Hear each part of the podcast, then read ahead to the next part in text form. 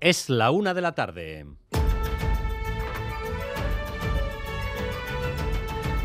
Crónica de Euskadi con Dani Álvarez. A Rachaldeón, la batalla electoral vasca se va a jugar en la gestión y en el modelo económico.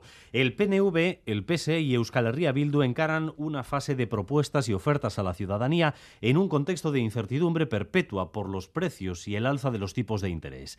La última medida que se ha puesto sobre la mesa es la jornada laboral de cuatro días que planteó el viernes Hidoya Mendía.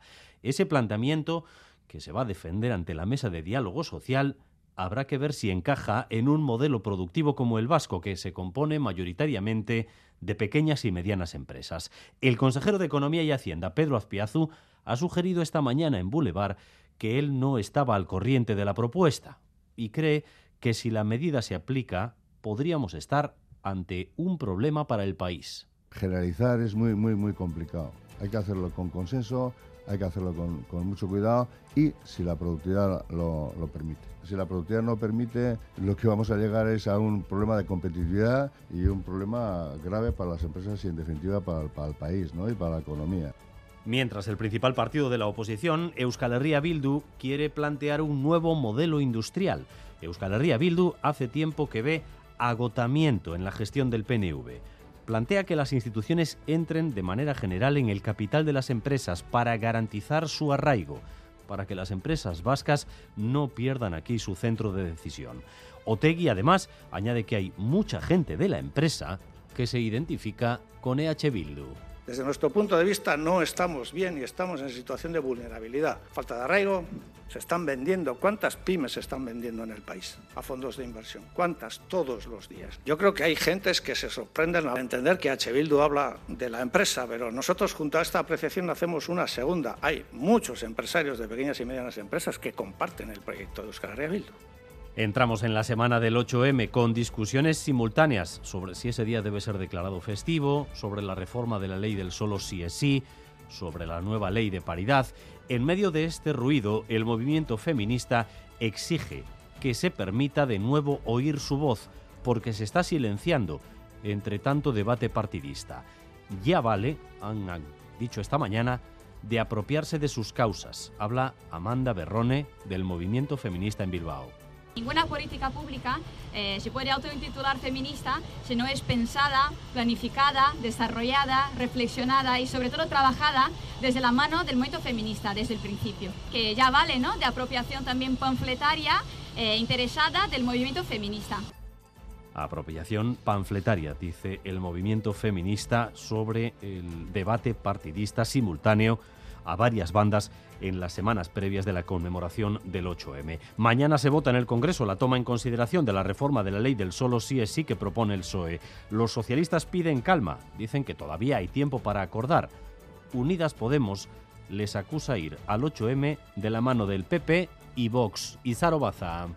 Eso es, y la situación no da un giro de 360 grados en las últimas horas, el PSOE sacará adelante su proposición con el apoyo de la bancada de la derecha. Recuerdan los socialistas que mañana se debate la toma en consideración de su propuesta, que aún hay margen para la negociación. Lo importante, dicen, es cambiar cuanto antes la ley y, por tanto, llaman a la unidad. Los morados, sin embargo, quieren exprimir hasta el último minuto, hasta el debate, para lograr un acuerdo para no volver al Código Penal de la Manada a vísperas del 8M.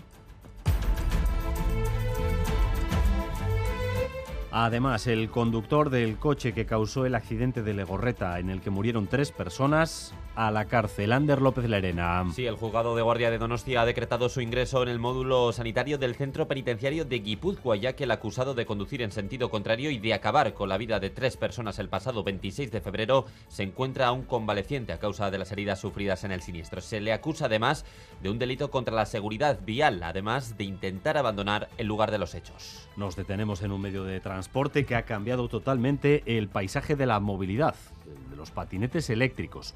No son contaminantes y son baratos, pero tanto el número de accidentes como de denuncias se han duplicado en el último año en las capitales vascas. Laida Basurto. Vitoria es la capital donde más ha aumentado el número de sanciones, un 121%. En total se pusieron 450 multas el año pasado frente a las 220 de Bilbao. Y Vitoria es también la capital con más accidentes, 220 frente a los 70 del resto de capitales, aunque donde más ha subido el número de siniestros con patinetes implicados ha sido Bilbao con un 137% y más aún Pamplona con un 142%. La mayoría de sanciones se ponen por conducir por la acera. Desde el RAC Vasco Navarro solicitan mayor control a las policías municipales. El Festival de Cine y Derechos Humanos de Donostia se celebrará en abril. Ha inaugurado una muestra que reflexiona sobre el golpe de Estado contra el presidente Allende en Chile. Y lo hace de la mano de la cineasta y escritora Carmen Castillo, que tuvo que exiliarse en Francia. La autora va a visitar Donostia en abril y presentará su película Calle Santa Fe. José Mi Beltrán es el director del festival como una forma de, implantar en el festival el tema de la, de la, memoria histórica, en este caso relacionada con el, con el golpe de Estado contra Allende y con la dictadura, con la dictadura chilena, pues eh, yo creo que tener a una persona de este nivel creativo y, y de compromiso político Vamos también con lo más destacado del deporte con Álvaro Fernández Cadierno, Arrachaldeón. Arrachaldeón, lunes con cierto sabor a fin de semana. Tenemos dos partidos de fútbol, ambos a las 9 en el Sadar, Osasuna Celta, los rojillos buscando acercarse a Europa. En tierras levantinas, Villarreal B a la vez. Los albiazules en pos del segundo puesto. Además, segunda jornada de las Women Winter Series de cesta en Duranco. Erika Aray frente a Elena Eneritz. En cuanto al tiempo, se va a mantener la estabilidad durante la tarde con cielos despejados, viento flojo del norte y temperaturas máximas sin cambios. Ahora mismo 13 grados de temperatura en Bilbao, 12 en Donostia, 11 grados en Bayona, 9 en Iruña, 8 en Vitoria-Gasteiz. En cuanto al tráfico, ahora mismo a la altura de Baracaldo en sentido cruces, en la N637, un camión averiado se encuentra ocupando un carril, precaución en esa zona, Baracaldo, sentido cruces, N637 y en Irún, en la rotonda de Zaisa, la afluencia de vehículos está provocando también retenciones. Rotonda de Zaisa, saben ustedes, N121A. Gracias un día más por elegir Radio Euskadi y Radio Vitoria para informarse. Raúl González y Jorge Ibáñez se encargan de la dirección técnica, a Itziber Bilbao de la coordinación. Este lunes en Gambara, Isa Serra, la portavoz de Podemos, a partir de las 8 de la tarde en Radio Euskadi. Gambara, con Arancha García.